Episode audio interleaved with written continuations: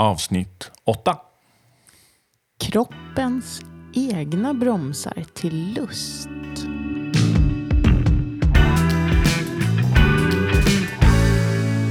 Har vi inte pratat om bromsar tidigare? Jo, det var den där listan vi uppmanade er att skriva. Eller listorna. En kring dina bromsar till lust och en kring dina gaspedaler till lust. Alltså, jag gör mig själv tänd när jag och jag gör mig själv avtänd när jag. Men här pratar vi om, här ska vi prata om biologiska faktorer. Ja, och då tänker jag, vad då? Alltså PMS, klimakterie, stress? Eller, eller kanske helt av andra fysiska?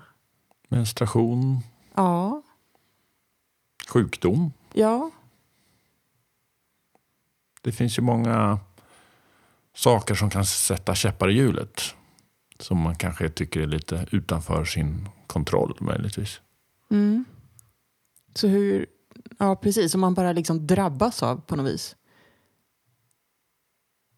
Men det gäller ju då att, då är vi tillbaka i den här listan, hur kan man då skaffa ägarskap även över de bromsarna, de fysiska bromsarna, kroppens egna bromsar som bara drabbar dig. Hur kan jag ta ägarskap över dem? Det är ju en större utmaning för relationen.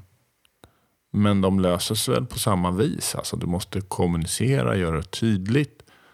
Eh, det här med att bara slentrianmässigt dra ur så att man har ont i huvudet och inte vill ha sex. Det, det låter som en ursäkt eller ingen plan. Utan försöka vara Det Även- låter som en offerkofta är på liksom. Ja, på något vis. Och, och sen det, har man bara stängt dörren. Mm. Och så, så här är det, nu bestämmer jag att det inte blir någonting. Mm. Och det måste ju vara ett, ett gemensamt, eh, en gemensam utveckling av det där. Och följdfrågor kanske ska vara då, men det, jag tycker det är tråkigt att jag så ofta har huvudvärk eller mår så dåligt på det här. Hur kan vi göra tillsammans för att det ska bli bättre? Eller kan vi göra någon annan lustfylld eller sexuell aktivitet som, eh, som jag kan vara med på i alla fall? Mm. Ja, för det ena är ju kanske då att acceptera att ja, just nu är det så här. Ja, men ta, ta PMS och mens då, då. Det kanske de flesta har ju någon slags regelbunden cykel. Det hade inte jag riktigt. Och jag har ju aldrig haft PMS så det kan jag inte liksom dra några egna erfarenheter kring. Men att ja, det finns ju någon slags regelbundenhet och då kanske man kan acceptera och anpassa aktiviteterna utifrån den. Ja, då sätt. måste man ju vara tydlig. Ja. Och inte tycka att, att du då bara, har du mens nu? Nu ska jag föra dagbok här över när du har din cykel här. Liksom. Nej, men det måste vara helt okej. Att du gör. För det är ett sätt för mannen att vara beredd i relationen på de här perioderna också. Mm. Men om det är stress på jobbet som eh, sätter eh, käppar i hjulet också, då måste man ju kunna prata om det hemma och, och, och att det lyfts. Mm. För det är, en, det är en oacceptabel arbetssituation också som påverkar hemmet. Precis, för när stresscykeln har dragit igång i kroppen så skickar ju den en massa signaler till allt möjligt som gör att det inte är så lätt att hamna i njutning eller att känna lust. För kroppen är ju snarare beredd på att eh, fight or flight oftast. Då går det liksom inte att komma till någon njutning eller till någon lust i just den stunden utan du måste ju avsluta den där stresscykeln. Och det kanske du kan göra då genom att ha ett samtal hemma. Skapa den här vi-känslan, teamkänslan som vi pratade om i förra säsongen. Team We. Och sen kan det vara små mentala spärrar. Det här med mens. Vissa tycker att det är äckligt helt enkelt. Har svårt för det. Både män och kvinnor kan ha svårt för det. Ehm, med förutsättningen då att eh, nu ska vi ha sex där jag stoppar in min snopp i dig. Men det finns ju många andra sätt att, att, att ha sex. Om, om det verkligen är ett stort motstånd så gör något annat. Det finns väldigt mycket annat att göra. Precis, du kanske inte vill gå ner på mig de dagarna jag hade mens. Nej, det var ju 20 år sedan sist så att eh, Ja. jag var ju aldrig så petig direkt. Nej.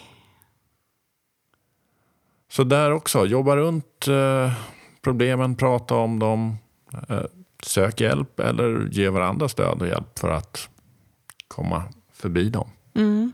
För nu i klimakteriet liksom, då upplever jag den här med eh, tunnare slemhinnor. Alltså alla mina slemhinnor, även i vagina.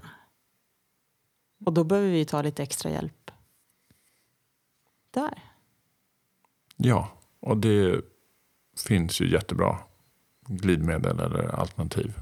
Precis. Den där japanska vi köpte var ju riktigt bra. Ja. Astroglide. Astroglide. Med två S.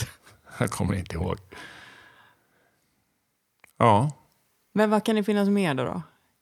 PMS, vad gör man åt det då? Det kan ju finnas allvarliga sjukdomar och, och, och eh, skador också naturligtvis. Men PMS, ja vad gör man åt det? Jag misstänker att de flesta som har besvär med det kanske hela sitt liv har försökt hitta något eh, system eller någon metoder för att eh, minska den, det besväret. Ja. Men framför allt kanske du acceptera, nu har jag PMS här. Okej, men vi vet att det går över. Det är inte för evigt. Men just nu så kanske vi bara istället kör, vad vet jag, massage, Ja, ligga sked, ja, bada badkar tillsammans, göra någonting annat. ja, Titta på en erotisk film kanske. ja. Så när kroppens bromsar, kroppens egna bromsar slår till, acceptera, men låt inte offerkoftan växa fast. Försök göra något åt saken. Är det allvarligt så sök läkarhjälp naturligtvis. Sök stöd i din partner. Var tydliga med varandra. Och har ni inte gjort de där listorna än, gör dem nu. Tack för idag. Hej hej.